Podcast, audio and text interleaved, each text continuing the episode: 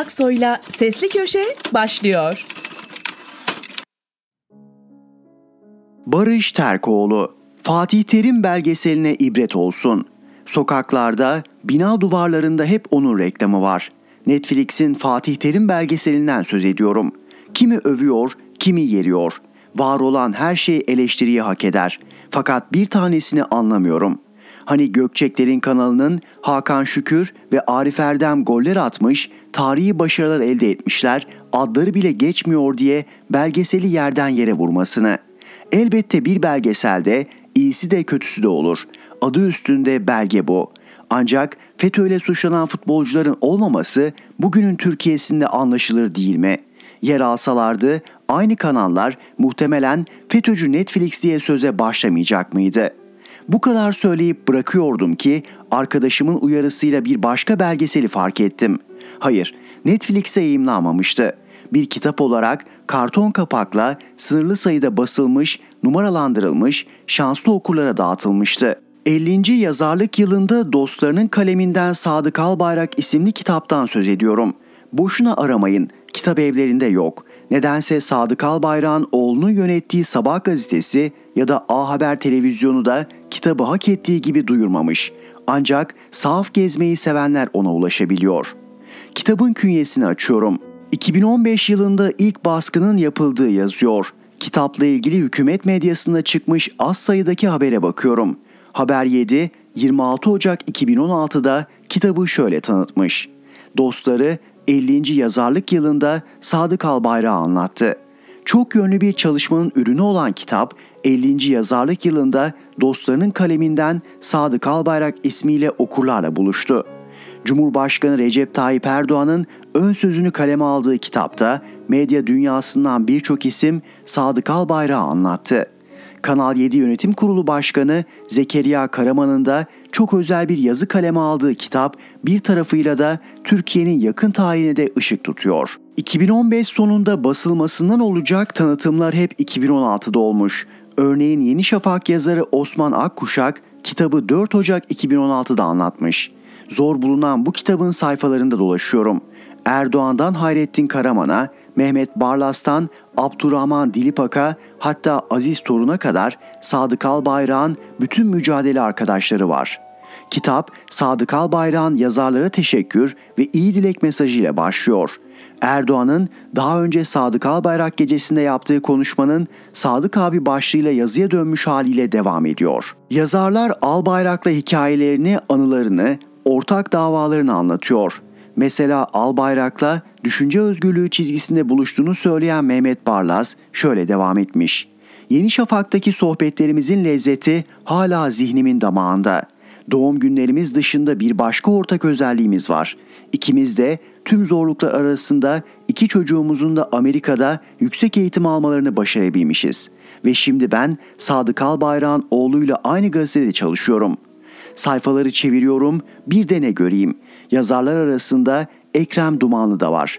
Evet, Fethullahçıların Zaman Gazetesi'nin yayın yönetmeni.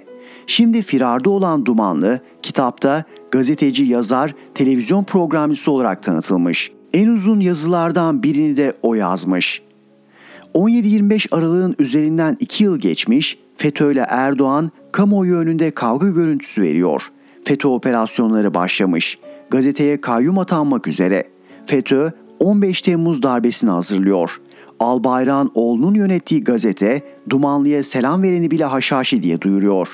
Gel gelelim Sadık Albayrak'a mücadele arkadaşlarının anlattığı belgeselde Ekrem Dumanlı'ya yer verilmekten vazgeçilmiyor. Ekrem Dumanlı ise ona Sadık abi diye hitap ederken o dönem yazarlığı bırakan Albayrak'a şu manidar ifadelerle anlatıyor. Sadık abi için yazmak nasıl önemli bir vazife ise şartlar tahakkuk ettiğinde yazıya ara vermekte bir prensip meselesidir. Yanlış anlamaya müsait bir zemin oluşursa iki adım geriye çekilir. Çünkü fikrin namusuna, düşüncenin erdemine inanmış bir dava adamının takınacağı tavrı bilir. Suizan yaparak isabet etmektense hüsnü zan edip yanılmayı tercih edenler kendilerini düşünmekten ziyade arkadaşlarının, kardeşlerinin, yoldaşlarının hakkını gözetir. Hele de fitne ve fesadın seylaplar halinde fikir hayatımızı işgal ettiği dönemlerde Sadık Albayrak dünürü Erdoğan'ı Dumanlı ile aynı kitapta buluşturmakla kalmamış, ona Erdoğan'a gönderme yapma fırsatı da vermiş. Kısacası Fatih Terim belgeselinde Hakan Şükür yok. Ama Netflix Sadık Albayrak belgeseli çekse orada Ekrem Dumanlı gibi Fethullahçılar Sadık Albayrak'ın oluruyla yer bulacaktı. Albayrak'ın biri damat bakan öbürü sabahın CEO'su oğullarını FETÖ okullarına göndermesinin ardındaki muhabbet de belki anlaşılacaktı. Bugünkü iktidar elitlerine kah aynı menzile yürüyorduk, kah kandırıldık diyerek FETÖ'yle derin bir ilişki kurma özgürlüğü var. Bu özgürlük başkalarına gelince ucu sivri bir bıçağa dönüşüyor. Sahi 11 yıl önce CHP'nin yayımladığı adını kimsenin bilmediği tutuklu gazeteciler listesinde bugünün PKK'lı teröristinin olmasını konuşuyoruz ya. Cumhurbaşkanının dünürünün mücadele kitabında 7 yıl önce her şey açığa çıkmışken terörle suçlanan zamanın yayın yönetmeniyle Erdoğan'ın birlikte yazmasına iktidar mahallesi ne diyor? Tek bildiğim hürriyet size çizilen sınırın içinde dolaştığınızda değil, sınırı geçmeyi düşündüğünüzde başlıyor. Barış Terkoğlu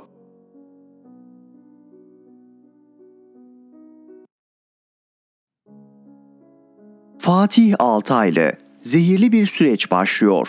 Zannederim önümüzdeki seçimlere doğru giderken post 8 Haziran dönemine benzer bir dönem yaşayacağız. Nasıl mı? Anlatayım. 14 Eylül günü yani 2 hafta önce ne yazdığımı hatırlıyor musunuz? Muhalefetin kendi ayağına sıkmaya doğru gideceğini, ana muhalefet partisi içinde iktidarla yakın isimlerin iktidar koalisyonunun ekmeğine yağ sürecek açıklamalar yapmaya başlamasını, ardından da HDP içindeki bazı unsurların devreye gireceğini ve muhalefeti zor duruma düşürmek ve teröristlerle işbirliği yakıştırmasını güçlendirecek bazı gelişmeler olmasını beklediğimi yazdım ve ekledim. Selahattin Demirtaş da bu süreci engelleyemesin diye içeride tutuluyor. Böyle olacağını bekliyordum ama bu kadar hızlı, bu kadar çabuk ve bu kadar erken olacağını beklemiyordum doğrusu. Bakın bu yazıdan sonra olan gelişmelere. CHP içinden bazı isimler iktidarın ekmeğine yağ sürecek açıklamalar yapmaya başladılar. Muhalefete, daha doğrusu CHP'ye yakın medya büyük bir hızla kendi kendini yıpratmaya başladı bile. Ve tam da dediğim gibi terör ve bölücülük 8 Haziran sonrası hızlı ve ani tırmanışı hatırlatır biçimde Türkiye'nin gündemine hızla giriyor. Bakın şu olanlara. Bursa Spor'la Ahmet Spor maçında yaşananlara. Yıllardır bu liglerde yer alan Ahmet Spor'un bir antrenman videosu nedense şimdi sızıyor. Maksatlı bir biçimde yapıldığı aşikar bu video troller tarafından sosyal medyada köpürtülüyor. Ardından maçta futbolcular arasında bir gerilim yaşanıyor. Bu gerilim sosyal medyada son derece ayrıştırıcı ve hatta bölücü bir pompalamaya maruz kalıyor.'' Bu açık provokasyonun dumanı tüterken bu kez Mersin'de bir PKK'lı grup ellerinde bomba düzeneğiyle bir karakola saldırıyor. Bir polisimizi şehit ediyor, birini yaralıyor. Peki söyler misiniz bana PKK son olarak ne zaman böyle bir eylem ya da eylem girişiminde bulundu? Epey olmuştur değil mi? Dahası Selahattin Demirtaş bu saldırıyı en sert sözlerle kınıyor. Ama sesi duyulmuyor bile. Ve biliyoruz ki bu daha antre. Önümüzdeki 9 ayda olabilecekleri düşünmek gerçekten ürkütücü. Tam da 14 Eylül'de söylediğim gibi çok çirkin, çok bel altı vuruşlu bir sürece giriyoruz. Belli ki seçim süreci bu konu üzerinden yürütülecek. Umarım bu süreçte Türkiye'ye verilecek zarar seçimden sonra telafi edilecek düzeyde kalır. Veto mu demiştiniz? ABD tehdidine kayıtsız kalamayan özel bankaların ardından kamu bankalarımızda Rusların MIR ödeme sisteminden çıktılar. Neyse ki ABD zorladı diye MIR ödeme sisteminden çıkacak halimiz yok neviinden bir çıkış yapmamıştı Türkiye. Önce hafiften biz kullanmaya devam ederiz falan dediysek de nihayetinde temkinli bir biçimde zorluyorlar. Biz de alternatif arıyoruz diye şaşkınlık verici düzeyde sağduyulu bir yaklaşım sergilemiştik turizm sezonunun sonuna gelmesi bir avantaj oldu. Mutlaka ortak bir alternatif bulunacaktır. Türkiye bu tip ara çözümler bulmakta usta bir ülke ne de olsa. Bavul ticareti benzeri bir bavul turizmi sistemi bulurlar yakında. Keşke başka alanlarda da höt yerine sağduyulu olmayı becermiş olsaydık diye düşünüyor insan. Mesela İsveç ve Finlandiya'nın NATO üyelikleri konusunda asla olamazlar. Onlar teröre destek veriyor diye sert çıktık. sonra bir NATO zirvesi oldu. Bir anda vetomuzu geri çektik ve vetoyu geri çektikten sonra Biden'la bir görüşme gerçekleşti. Ama vetoyu geri çekmemizin gerekçesi vardı. Bu iki ülke terörle arasına mesafe koyacak, PKK-PYD gösterilerini engelleyecek ve dahası ülkelerindeki PKK'ları Türkiye'ye iade edeceklerdi. Hiçbiri olmadı. Bize yutturulanın tam aksine vetomuzu kaldırmamızdan sonra gösteriler arttı. Hatta Stockholm'de Öcalan'ın fotoğrafları ve PKK bayrakları binalara yansıtıldı. İade edileceği söylenen teröristlerin iade edilmeyeceği yargı kararlarıyla kesinleşti. Her iki ülke yargı kararlarının aksine hareket edemeyiz açıklamaları yaptı. Şimdi belki göstermelik bir iki iade olabilir ama onlar da muhtemelen bizim başta talep ettiklerimiz olmayacaktır. Ama buna rağmen bizden hala madem öyle vetomuz devam ediyor açıklaması gelmedi. Bu iki ülke NATO'ya üye olmuş gibi davranmaya, NATO'da İsveç ve Finlandiya'yı içine almış gibi davranmaya başladı. Ve Türkiye bu gelişmeleri havaya bakıp ıslık çalarak geçiştirmeye çalışıyor. Troller de onurlu dış politikadan ve güçlü Türkiye'den bahsedip duruyor. Bense bu kadar aptal yerine konmaktan dolayı kendimi çok ama çok kötü hissediyorum. Saf kötülük. Ülkede kötülük dozunun ne kadar yükseldiğini gösteren çok iyi bir örnek var. Biliyorsunuz Galatasaray'ın teknik direktörü Okan Buruk'un oğlu uzunca bir zamandır lösemi tedavisi görüyordu. Çok şükür ki tedavi olumlu sonuç vermiş ve küçük Ali Yiğit adım adım sağlığına kavuşuyor. Bu arada ufaklığa moral olsun diye Okan Buruk oğlunu maçlara götürüyor ve maç sonlarında Ali Yiğit sahaya çıkarak futbolcularla el ele veriyor. Ve rakip takım taraftarlarından bazıları bu çocuğun sahaya çıkma hakkı var mı? Federasyon bu çocuğa izin verdi mi? Hangi akla oraya çıkartılıyor? Duygu sömürüsü yapmaya utanmıyor musunuz gibi son derece aşağılık, son derece utanç verici, son derece insanlık dışı yorumlar yapıyor, sosyal medya üzerinden saldırıyorlar. Emin olun bu kadar kötülük çok ama çok fazla. Bu kadar kötülük bir toplumu yorar bitirir. Bu kadar kötülük sonunda döner o kötülüğün sahibine gelir. Bu kadar kötü olmamaya gayret edin. Bu kadar kötüyseniz bile en azından birazını saklamaya çalışın. Ne zaman insan oluruz? Çevresi aptallardan oluşanlar herkesi aptal zannetmediği zaman. Fatih Altaylı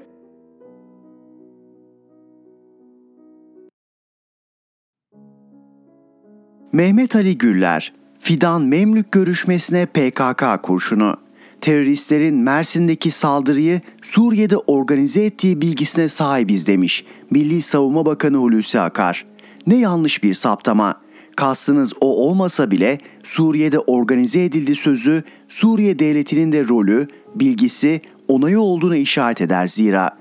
Tersine doğru saptama şudur teröristlerin Mersin'deki saldırıyı Amerikan koridorunda organize ettiği. Mersin'deki terör saldırısı çeşitli boyutlarıyla tartışılıyor. PKK'nın uzun sürenin ardından neden şimdi bir terör saldırısı yaptığı sorgulanıyor.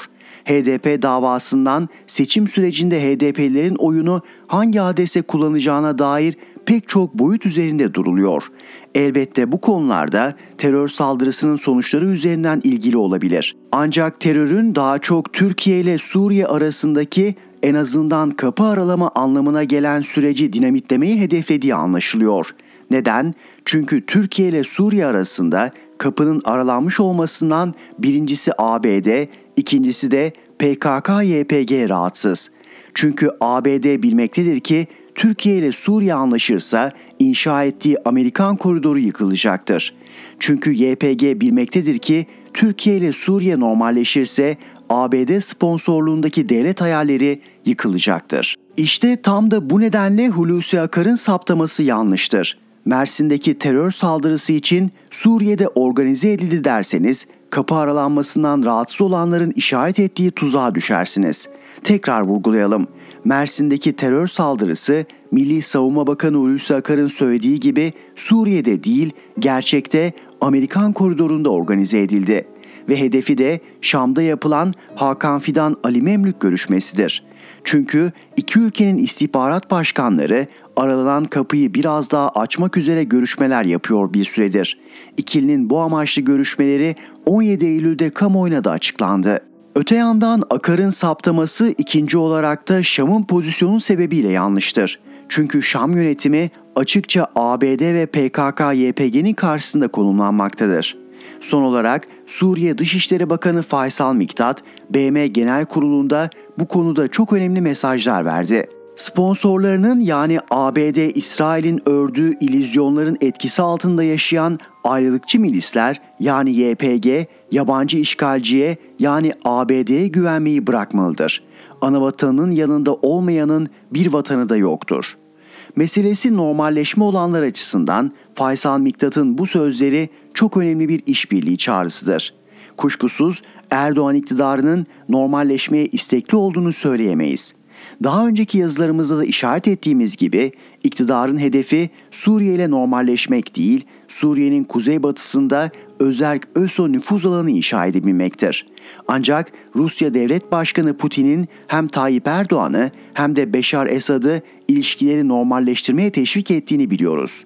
Erdoğan'ın da Putin'in talebi üzerine kapı aralamayı kabul ettiğini görüyor ama bunu çok da ilerletmeyi düşünmediğini de uygulamalarından çıkarabiliyoruz. Mehmet Ali Güller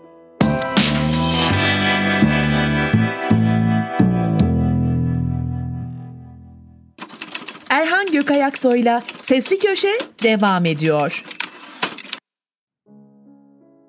Müyesser Yıldız, mahkeme hasta mahkum için adli tıpa değil polise itibar etti.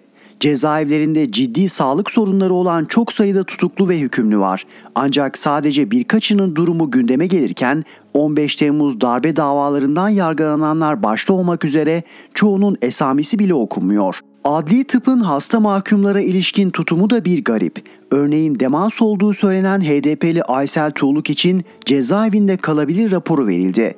28 Şubat kumpasından hükümlü kalp hastası Çetin Doğan için de doktor kalp krizi riski var ama içeride de dışarıda da bu risk aynı diyebildi bir ay kadar önceydi.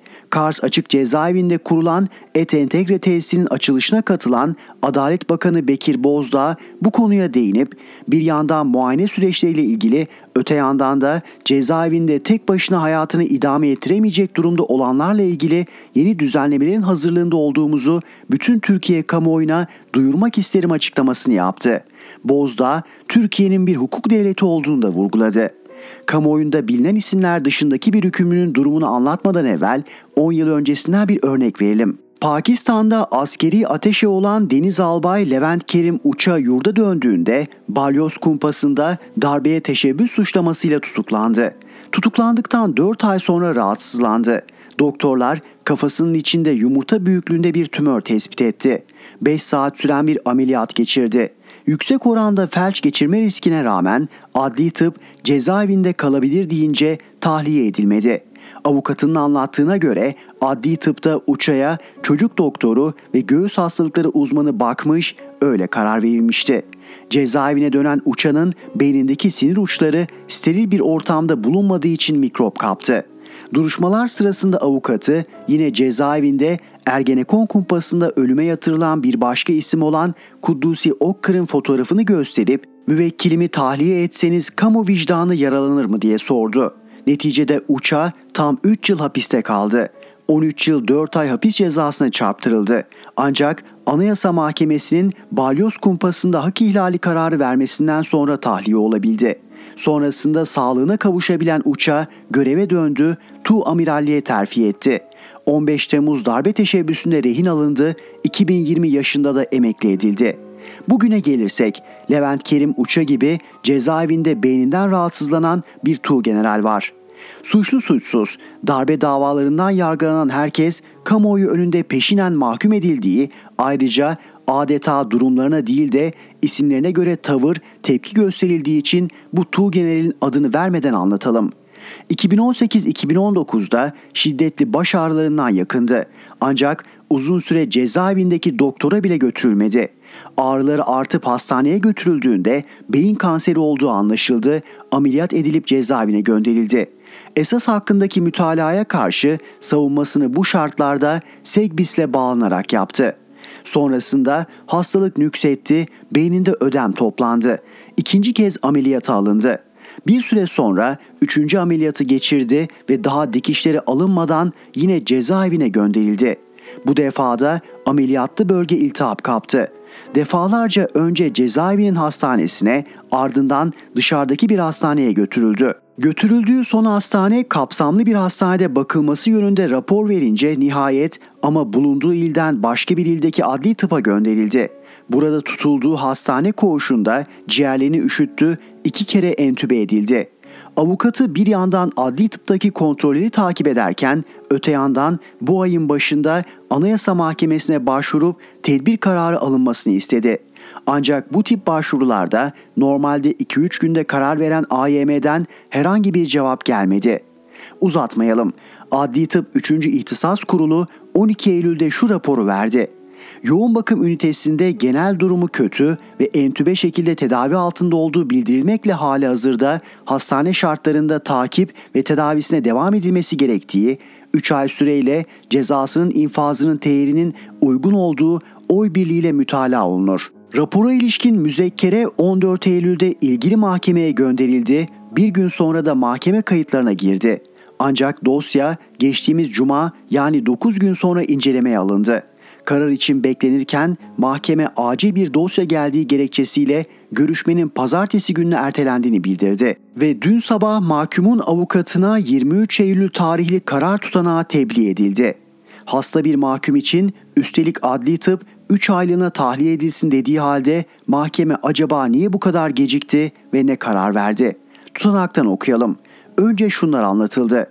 Mahkememizce 15 Eylül 2022 tarihinde toplum araştırması yapılması için nokta nokta İl Emniyet Müdürlüğü TEM Şube Müdürlüğü'ne yazılan müzekkeremize müdürlük tarafından 20 Eylül 2022 tarihli yazı cevabında konuyla ilgili olarak yapılan araştırma sonucunda anayasal düzeni ortadan kaldırmaya teşebbüs etme, Cumhurbaşkanına suikast, yangın su baskını, tahrip, batırma, bombalama ya da nükleer, biyolojik, kimyasal silah kullanarak öldürme, bir suçu gizlemek veya başka bir suçun delillerini gizlemek ya da yakalanmak amacıyla öldürme, kişiyi hürriyetinden yoksun kılma suçlarından ağırlaştırılmış müebbet hapis, 68 kez ağırlaştırılmış müebbet hapis, 9 kez ağırlaştırılmış müebbet hapis, 112 kez 18 yıl hapis, 86 yıl hapis, 22 kez 15 yıl hapis, 7 yıl 6 ay hapis cezalarını aldığı, FETÖ-PDY silahlı terör örgütünün günümüzde hala aktif olarak faaliyetlerini yürüttüğünden dolayı karar ve takdirin mahkemeniz tarafından verilmesinin daha uygun olacağı değerlendirilmiştir demiştir. Ardından savcının adli tıpın raporu doğrultusunda 3 ay süreyle cezasının infazının ertelenmesi yönünde yazılı mütalaa sunduğu kaydedildi. Nihayetinde de kendi mahkemelerinin söz konusu isimle ilgili verdiği halen istinafta görüşülmeyi bekleyen polisin cevabında bildirilen suçlar ve cezalar tekrarlanıp şöyle denildi. Mahkememizce yapılan araştırmalar ve incelemeler neticesinde mahkememizin kararında sanığın darbe teşebbüsü içindeki eylem ve örgütsel faaliyetleri sebebiyle sabit görülen suçlarından dolayı yukarıda belirtildiği üzere mahkumiyetlerine karar verildiği ve İl Emniyet Müdürlüğü Tem Şube Müdürlüğü'nce örgütün aktif olarak faaliyetlerini yürüttüğünü bildirilmesi üzerine maruz kaldığı ağır bir hastalık sebebiyle de olsa hüküm özlü sanığın adli kontrol tedbiriyle serbest bırakılmasının toplum güvenliği bakımından ağır ve somut bir tehlike oluşturacağı anlaşılmakla adı geçen sanık hakkında herhangi bir adli kontrol tedbiri uygulanmasına takdiren yer olmadığına ve hükmen tutukluluk halinin devamına oy birliğiyle karar verilmiştir. Mahkeme adli tıpın değil polisin görüşüne itibar ediyor. Yürüyemez hale gelmiş, beyin kanseri olan biri toplum güvenliği için tehlike sayılıyor. İşte hukuk devleti olarak gelinen son nokta. Bakalım daha neler görüp yaşayacağız. Müyesser Yıldız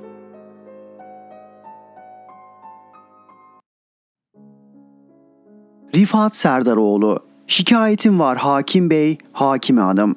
Şikayetim var cümle ihanetten, dillerimi hakim bey bağlasan durmaz. Gelsin jandarma, polis karakoldan, fikrin firarda mapusa sığmaz. Anayasa madde 3. Türkiye devleti, ülkesi ve milletiyle bölünmez bir bütündür.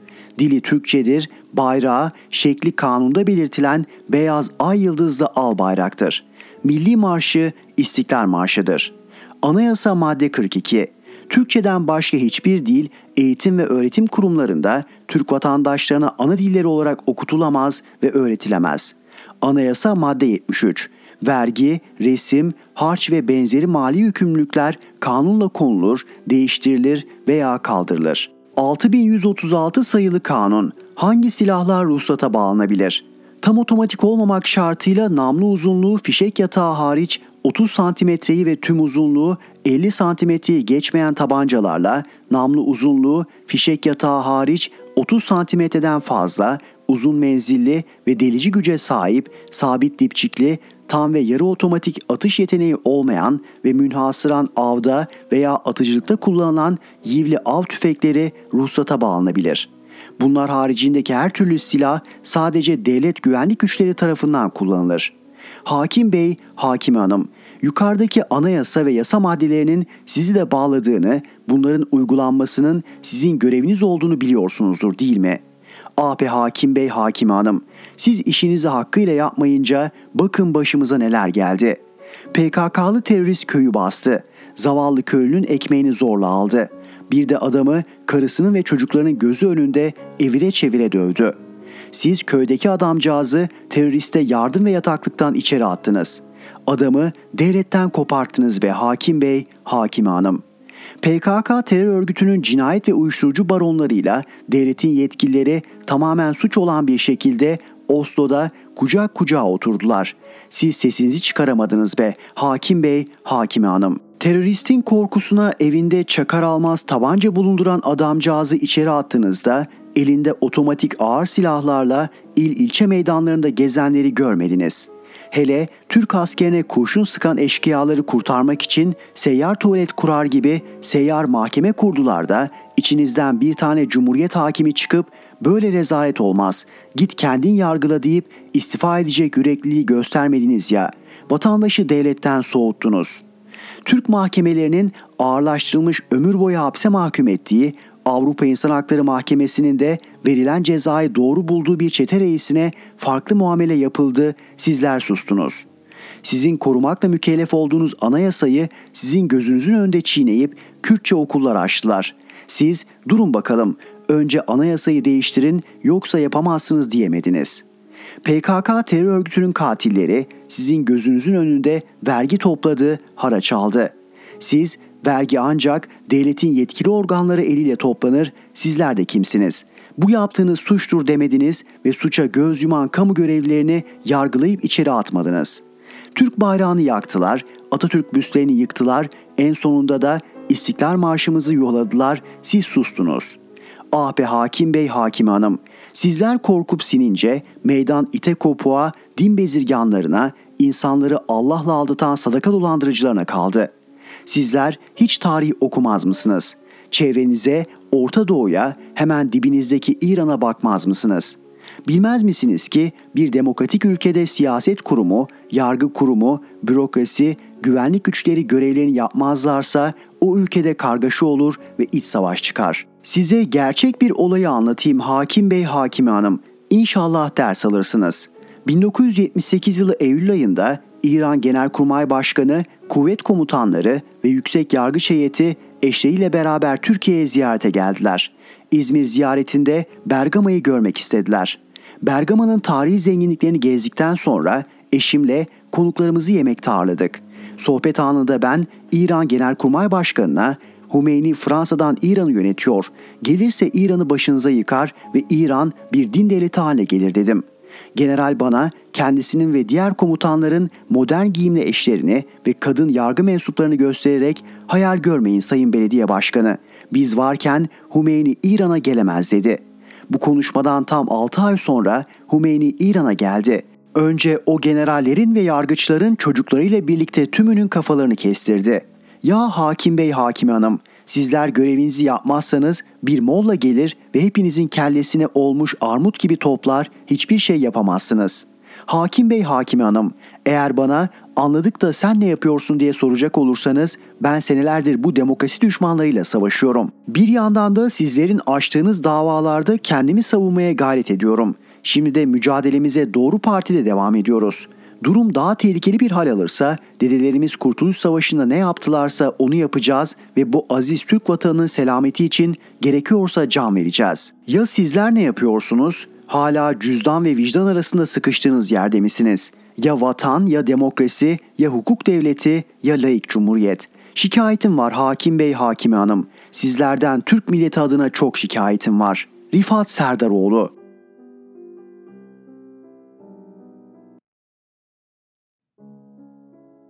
Tuncay Molla Veysoğlu, Gordion'un düğümü ve Kılıçdaroğlu.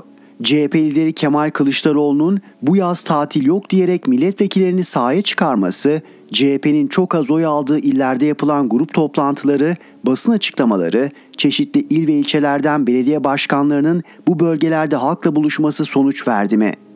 Yanıtı anketlere bakarak söyleyelim. Evet, sağ çalışması, halkla buluşma, gidilen illerdeki oy oranlarını artırdı. Elazığ, Erzurum, Sakarya, Niğde, Van, Kayseri gibi daha önce hiç CHP seçmeni olmamış yurttaşların bir bölümü bu çalışmanın etkisiyle ilk kez CHP'ye oy verecekler. Bu par araştırma yaz boyunca her toplantı sonrası illerde ölçüm yaptı. Bu illerde oy oranlarının 2 ile 3 kat arasında arttığı görülüyor. Örneğin CHP'nin %2,5 oy aldığı Van ve Diyarbakır'daki oy oranı son ankete göre %7,5 seviyesine yükselmiş. CHP'nin seçmen tabanını genişletme çalışması Gordion'un düğümü gibi bir sorunu çözümsüzlüğü işaret ediyordu. Ortalama %70 oranında sağ partilere oy verme eğilimi olan seçmenin tercihi nasıl değiştirilebilirdi? Kemal Kılıçdaroğlu liderliği boyunca bu düğümü çözmeye çalıştı. Sağ seçmende karşılığı olan isimler üzerinden yaptığı hamleler haklı olarak eleştiri konusu oldu. CHP'nin dokusuyla uyumsuz isim ve bazı açıklamaların parti çizgisiyle çatışması kaçınılmazdı. Ancak yeni seçmen kazanma çabası ve CHP içinden yapılan eleştirilerin de katkısıyla Kılıçdaroğlu'nun sesi sağ seçmene ulaşmaya başladı. Rejim değişikliğiyle birlikte Erdoğan'ın memleketi demokrasi isteyenlerle tek adama biat edenler olarak ikiye ayırması, muhalefetin asgari koşullarda bir araya gelmesine, demokrasi, hukuk ve millet egemenliği zemininde ortaklaşmasına neden oldu. Kılıçdaroğlu yıllardır CHP'de yapmak istediği ittifakı CHP'yi esnetmeden bir masa etrafında birleştirmeyi başardı. Bugün gelinen durumun özeti şudur. Millet İttifakı CHP'yi sağcılaştırmadan CHP'nin tarihsel kimliğini de koruyarak kuruldu ve yenilmez denilen Erdoğan'ın korkulu rüyası oldu. Üstelik bu öyle bir ittifak ki CHP'nin göstereceği Cumhurbaşkanı adayına koşulsuz destek sağlayacak taraflardan oluşuyor. Yani aslında yeni bir seçmen tabanından söz ediyorum. Siyasal olarak farklı ama Cumhuriyet değerleri noktasında ortaklaşan partilerin bir araya gelmesi Erdoğan'ın en büyük endişesiydi. Öyle de oldu ve saray tüm stratejilerini ittifakı bölmek üzerine kurdu. Çünkü AKP'nin artık halka söyleyecek tek bir sözü kalmadı. Konuştuğum kaynaklar ittifak içinden etkin bazı isimlerin bir şekilde ikna edilerek seçim hattında provokatif açıklamalarla ittifakı bölmeye çalışacağını söylüyorlar. Bunları görelim ancak odaklanmayalım. Muhalefetin asıl odağı AKP'den kopan %15 bandındaki kararsız seçmen kitlesi olmalı. Bu kitle en az bir kere Cumhur İttifakı'na oy vermiş seçmenlerden oluşuyor. Nasıl ikna edilecekler? İttifak ve açıklanacak Cumhurbaşkanı adayı başta ekonomik bunalıma karşı ne yapacağı olmak üzere halka sadece çözüm anlatmalıdır. Üstelik bu çözümleri hap gibi her yurttaşın anlayacağı ve ezberleyeceği bir dille aktarmalıdır. Kılıçdaroğlu bunu yurt sorunu, otomobil vergilerindeki fahiş oran ve EYT konusu gibi bazı başlıklarda yaptı. Türkiye'nin dört bir yanında şu slogan konuşulur oldu. Bay Kemal söylüyor, Erdoğan yapıyor. Kararsız kitleyi dönüştürecek olan işte bu. Millet İttifakı ya da Altılı Masa'nın seçmende tek bir gövde olarak görünmesi seçmene neyi nasıl söyleyeceğine bağlı. Muhalefet denilince toplum çözümü ve bunu yapacak kadroları görmeli. Yani muhalefet umut olmalı ve bir an önce masa başı toplantılarından kalkıp halka sorunları nasıl çözeceklerini anlatmaya başlamalı. Demokrasi bileşenlerinin adayı ortaya çıktıktan sonra aday odaklı yapılacak her eleştiri Recep Tayyip Erdoğan'a oy vermekle aynı anlama gelecektir. Kılıçdaroğlu, Gordion'un düğümünü İskender gibi kılıçla kesmek yerine efsanede beklendiği gibi ince bir siyasi stratejiyle çözdü. Ve bu çözüm devletin yeniden inşasının başlangıcı olacak. Gordion efsanesi Yeni bir lider arayışında olan Filiklere bir kain tarafından şehre öküz arabasıyla giren ilk adamı kral ilan etmeleri söylenir. Bu kişi kanısıyla kente giren yoksul bir köylü Midas'ın babası Gordios olur. Gordios kral ilan edildikten sonra öküz arabasını Filik tanrısı Sabazios tapınağına adar. araba kızılcık dallarından bir düğümle tapınağa bağlanmıştır ve bu düğümü çözecek kişinin Asya'nın hakimi olacağı söylentisiyle ünlenir. Büyük İskender Gordion'a geldiğinde M.Ö. 334'te düğümü çözmeye çalışır ama başaramaz. Sabrı tükenince öfkeyle kılıcını çekip düğümü keser. İskender gerçekten de Pers İmparatorluğu'nun fatihi ve Asya'nın hakimi olma yolundadır. Ancak 33 yaşında ateşli bir hastalıktan zamansızca ölümü, bilgelerce İskender'in Gordion düğümünü çözmek yerine sabırsızca davranmasının cezası olarak yorumlanır. Tuncay Molla Veysoğlu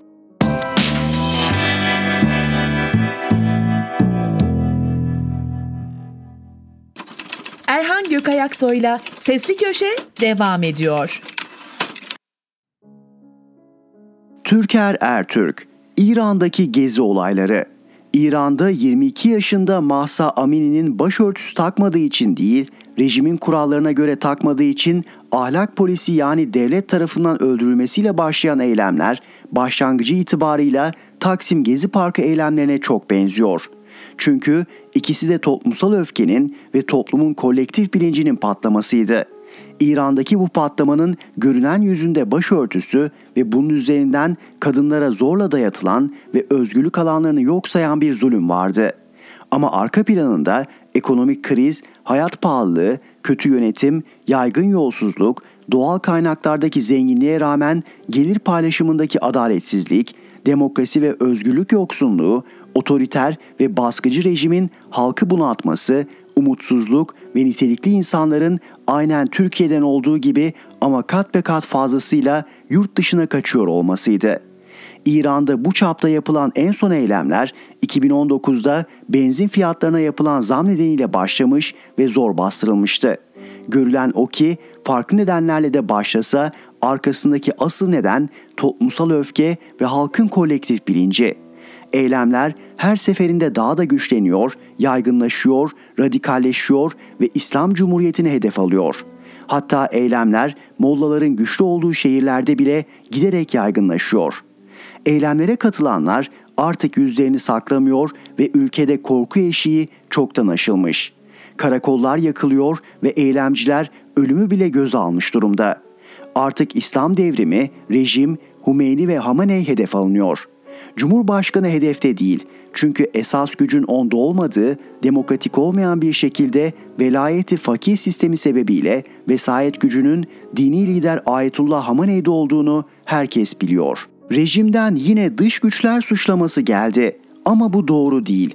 Rejimin başı sıkıştığında başvurduğu can simidi aynen Türkiye'de olduğu gibi dış güçler.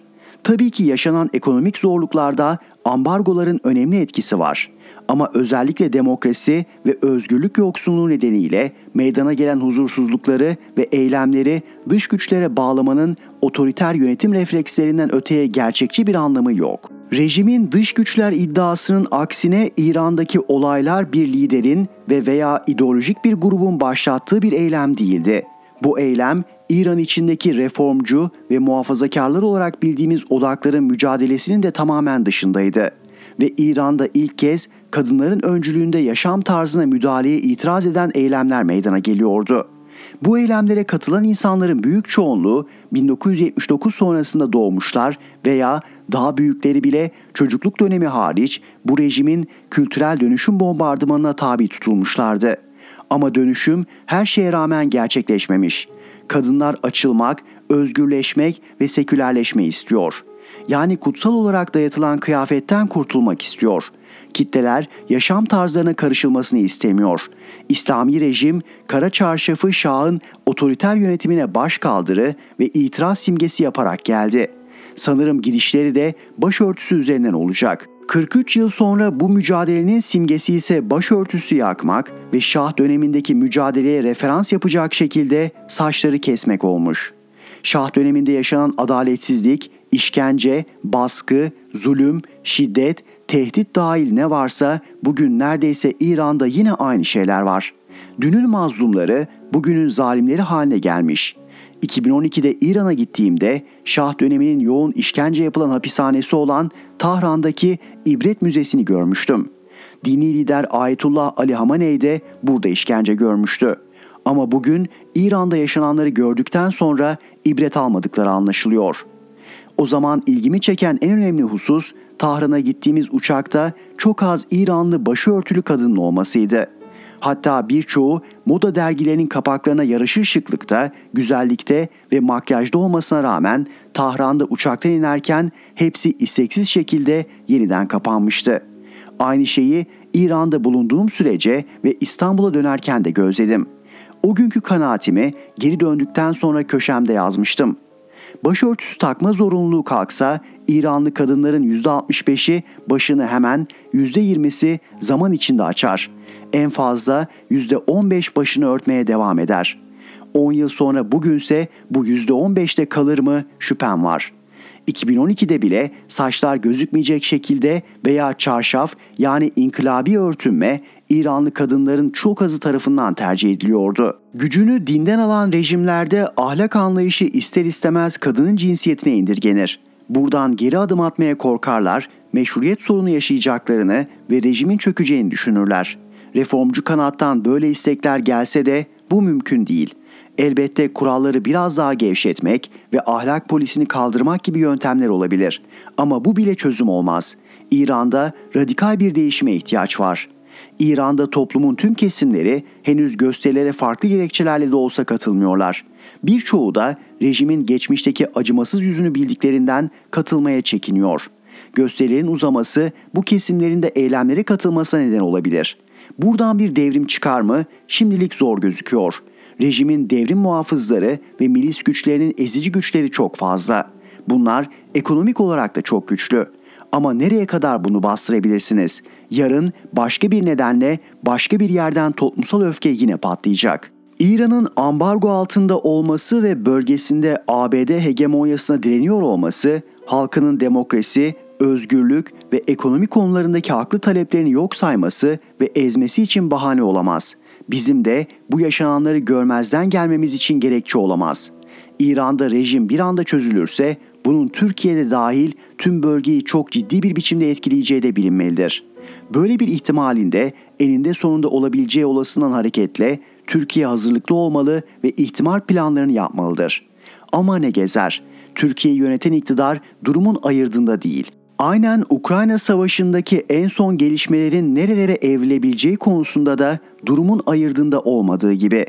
İşin ilginç tarafı her konuda açıklama yapan iktidarın İran'daki gelişmeler için hiç sesi ve çıtı çıkmadı, çıkmıyor. Sanki ölü taklidi yapıyor, dillerini yutmuş gibiler. Tabii ki anlıyoruz nedenini. İktidar da aynı kafada ve zihniyette. Türkiye'deki iktidarda 20 yıldır toplumu dönüştürmeye çalıştı, dindar ve kindar toplum peşinde koştu ama sonuç aynen komşu coğrafyada İran'da olduğu gibi başarısızlık oldu. Türkiye'deki iktidar anayasamızı ihlal ederek laikliği aşındırdı ve yok etme aşamasına getirdi ama toplum gençlerden başlayarak hızla sekülerleşiyor. Kötü yönetim, yolsuzluk, kokuşmuşluk, liyakatsizlik bizde daha da kötü. Daha da önemlisi bu gelişmeler bizde de toplumun kolektif bilincinde öfkeye dönük enerji birikimine neden oluyor. Türk kadınlarının neredeyse 100 yıldır sahip olduğu hakların sadece bir kısmına sahip olabilmek için İranlı kadınlar canları pahasına mücadele veriyor. Onları selamlıyorum ve destekliyorum. Türker Ertürk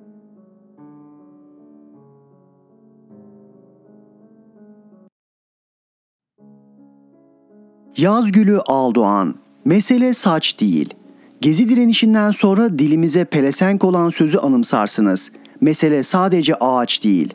Saç da ağaç da bardağı taşıran damladır. Hak ve özgürlüklere, canlılara, ağaçlara, hayvanlara yapılan baskı ve eziyet öyle bir noktaya gelir ki yeter artık denilir. İşte Tahran'da 13 Eylül'de Mahsa Amini'nin irşat devriyeleri tarafından kıyafet kurallarına uymadığı gerekçesiyle gözaltına alındıktan sonra ölmesi de bardağı taşıran damladır. O günden beri ülkeye ve hatta tüm dünyaya yayılan protestolarda gözaltına alınan kişilerin sayısı bini geçmiş, protesto gösterilerinin sembolü haline gelen 20 yaşındaki Hadis Necefi dahil polis kurşunuyla öldürülenlerin sayısının ise 70'i bulduğu söyleniyor. Molla rejimi protestocuları öldürmek ve gözaltına almakla kalmıyor, interneti keserek olayların yayılmasını önlemeye çalışıyor. İran Cumhurbaşkanı İbrahim Reisi Birleşmiş Milletler'de görüşmelere katılmak için New York'a gittiğinde ünlü gazeteci Christian Amanpour kendisiyle bir televizyon röportajı yapmak istedi. Ancak Amanpour reisi karşısında başörtüsü takmayı reddettiği için röportaj yapılamadı. Nokta dergisinin yazı işleri müdürü olduğum yıldı. İstanbul İran Başkonsolosluğundan bir iftar daveti aldım. Gazeteci olarak kabul ettim ve gittim. Ne oldu biliyor musunuz? Kadın olduğum için davet ettikleri konsolosluk kapısından içeri alınmadım. Çünkü bir kadının yazı işleri müdürü olabileceği akıllarına gelmemişti. Protesto edince bir yetkili gelip beni içeri aldı. Ama o ne? Erkek meslektaşlarım alt kattaki davet salonuna alınırken beni üst kata rezidans bölümüne çıkardılar. Konsolosun eşi ve çocuklarıyla iftar açmak için. Tabii ki kalmayıp geri döndüm. İran'ın kadim kültürü ve felsefesinden bahsedilir. Hikaye. Bir ülke dini kurallarla yönetiliyorsa orada dogma vardır, demokrasi, adalet ve özgürlük yoktur. Özellikle de İslamiyet'te kadınlar ikinci sınıf yaratık. Şeriat geçerli olduğu zaman kadın insan yerine konulmuyor. İşte İran, işte Afganistan, işte Suud, Yemen hangisini sayalım? Türkiye Arap turizmine açıldığından beri peçeli kadınlar dolaşıyor sokaklarda. Yemek yiyebilmek için peçelerini yavaşça kaldırıyorlar. Utanç verici. Mesele kadınların saçlarını örtmeleri değil, görünmez olmaları isteniyor.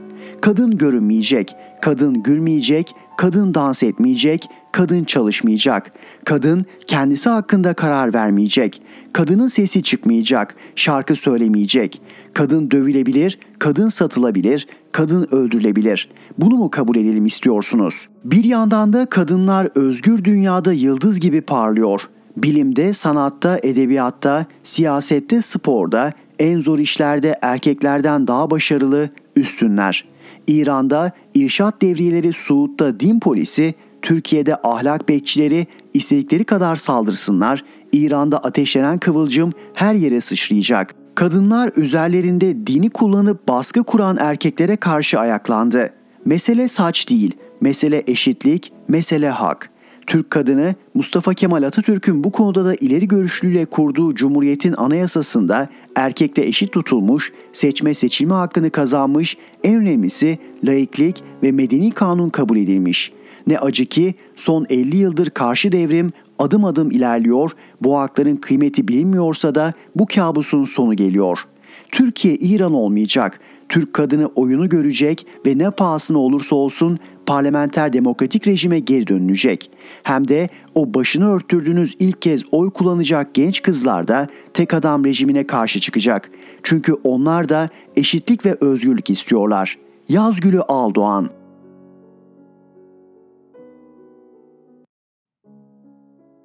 Zeynep Gürcanlı Güven Meselesi German Marshall Fond'un 2022 Transatlantik Trendler Anketi Türkiye'nin de dahil olduğu 14 ülkede her ülkeden 1500 kişiyle görüşülerek gerçekleştirildi. Konrad Adenauer Vakfı'nın da desteğiyle gerçekleşen anket, Türkiye dışında Kanada, Fransa, Almanya, İtalya, Litvanya, Hollanda, Polonya, Portekiz, Romanya, İspanya, İsveç, İngiltere ve ABD'de de yapıldı. Sonuçlar çok çarpıcı. Kısaca özetlemek gerekirse Türkler dahil tüm katılımcılar yakın zamanda ABD'nin uluslararası alandaki liderliğinin son bulacağını düşünüyor. ABD'nin yerini doldurmaya aday olarak görülen ülke ise Çin. Ankete Avrupa Birliği ülkelerinden katılanların büyük çoğunluğu Rusya ya da Çin'in ortaya koyduğu uluslararası rekabet gibi meselelerin AB aracılığıyla çözülmesi gerektiğine inanıyor. ABD'nin dünyadaki algılanması 14 ülkeden ankete de katılanların ortalamasına bakıldığında hala olumlu görülüyor. Tüm katılımcıların %12'si ABD'nin imajı konusunda çok olumlu, %45'i ise genel olarak olumlu, %21'i genel olarak olumsuz ve %9'u çok olumsuz olarak görüş bildirmişler. Ancak bu konuda Türkiye'nin diğer ülkelere göre farklılaştığını görmek mümkün. Türklerden sadece %5'i ABD'nin imajı için çok olumlu derken genel olarak olumlu %18, genel olarak olumsuz %39 ve çok olumsuz %28 olarak ölçülmüş. Türkiye'de ABD'nin mevcut başkanı Joe Biden'ın uluslararası politikalarına onay da yok. Biden'ın politikalarına destek tüm anket ortalamasında tamamen onaylıyorum %15, kısmen onaylıyorum %40 olarak ölçülmüş. Türkiye'de ise Biden'ı tamamen onaylayanların oranı sadece %5, kısmen onaylayanlar %19, kısmen onaylamıyorum diyenler %30, hiç onaylamıyorum diyenlerse %35 çıkmış. Amerikalılar kendi ülkelerindeki demokrasinin kötü olduğuna ilişkin %53 oranında görüş bildirmişler. Bu oran Türkiye'de rekora doğru koşuyor. Ankete katılan Türkiye vatandaşlarının %74'ü kendi ülkelerindeki demokrasinin kötü durumda olduğunu ifade etmişler. Türkiye konusundaki çarpıcı bir başka veri ise ankete katılanların büyük çoğunluğunun küresel meselelere çözüm bulmak için demokratik ülkelerle birlikte hareket edilmesi yönünde görüş bildirmesi. Bu durum Cumhurbaşkanı Erdoğan'ın son dönemde Türk dış politikasının rotasını Asya'ya doğru çevirmesi, hatta üyelerinin neredeyse tümü demokrasi olarak anılmayan ülkelerden oluşan Şangay İşbirliği Örgütü'ne üyelikten bahsetmesiyle çelişir durumda. Anketten Türklerin hala NATO'ya önem verdikleri sonucu da çıkmış. Katılımcıların %65'i NATO'nun hala önemli olduğu yönünde görüş bildirmiş. Ancak Türkiye'de NATO'yu önemli bulanların oranının 14 ülke ortalamasının epey altında olması da ayrıca üzerinde düşünmeye değer. AK Parti hükümeti ve bizzat Erdoğan dış politika konusundaki söylemlerini Türkiye'nin uluslararası meselelerdeki önemi üzerine kurmuş durumdalar. Ancak anket sonuçları genel algının çok farklı olduğunu ortaya koyuyor. Anket, Türkiye vatandaşlarının bile kendi ülkelerini dünya meselelerinde çok etkili bir konumda görmediklerini de ortaya çıkarmış. Türkiye'den ankete katılanların sadece %34'ü ülkelerinin dünyadaki en etkili ülke olduğunu söylemiş. Oysa İngiltere vatandaşlarının %63'ü kendi ülkelerini en etkin ülke olarak nitelendiriyorlar. Bu oran İspanya için %64, Almanya için %83, Fransa için %83 olarak çıkmış. Benzer sonucu uluslararası alandaki Türkiye algısında da görmek mümkün. Ankette en çok güvendiğiniz ülke sorusunda ise %27 ile Türkiye en alt sırada yer almış. Genel olarak dünyaya güven telkin edemese de mesela Romanya'da Türkiye'ye güven oranı tavan yapmış durumda. %63. Bu da ayrıca incelemeye değer elbette. Ankette en güvenilir ülke çıkanlarsa %71 ile İsveç, %70 ile Almanya olmuş. Türkiye burada da ankette yer alan diğer ülkelerden ayrılıyor. Türklerin İsveç'e beyan ettikleri güven oranı %33, Almanya ise %43'te kalmış durumda. Bunun NATO genişleme sürecinde İsveç'in terör örgütlerine verdiği desteğe ilişkin söylenenlerin sonucu olma ihtimali büyük. Anketin Türkiye açısından bir başka kritik sonucuysa Rusya ve Çin'le ilişkiler konusunda ortaya çıkmış. Türkler hem Çin hem de Rusya meselesinde Türkiye'nin bağımsız politika izlenmesi yönünde görüş bildirmişler. Belli ki AK Parti hükümetinin Ukrayna Savaşı çerçevesinde yürüttüğü arabuluculuk çalışmalarına kamuoyu desteği var. Ankette katılımcılara ülkelerinin güvenliği için en büyük tehdidin ne olduğu da sorulmuş. Türkiye'den katılanlar en büyük tehdit olarak göç konusunu ifade etmişler. Oran %37. İkinci büyük tehdit ise %16 ile terör olarak ifade edilmiş. Türklerin gözünden diğer tehditlerse sırasıyla ülkeler arasındaki savaş %15, iklim değişikliği %8, nükleer silahlar %7, pandemi %5, siber güvenlik %4, Rusya'nın ortaya koyduğu tehdit %3, Çin'in ortaya koyduğu tehdit ise %2 oranında çıkmış. Belli ki Türkiye'de seçimlere sadece aylar kala üzerinde en çok tartışılacak konu Suriye ve Afganistan'dan ülkeye gelip yerleşmeye çalışanlar olacak. Zeynep Gürcanlı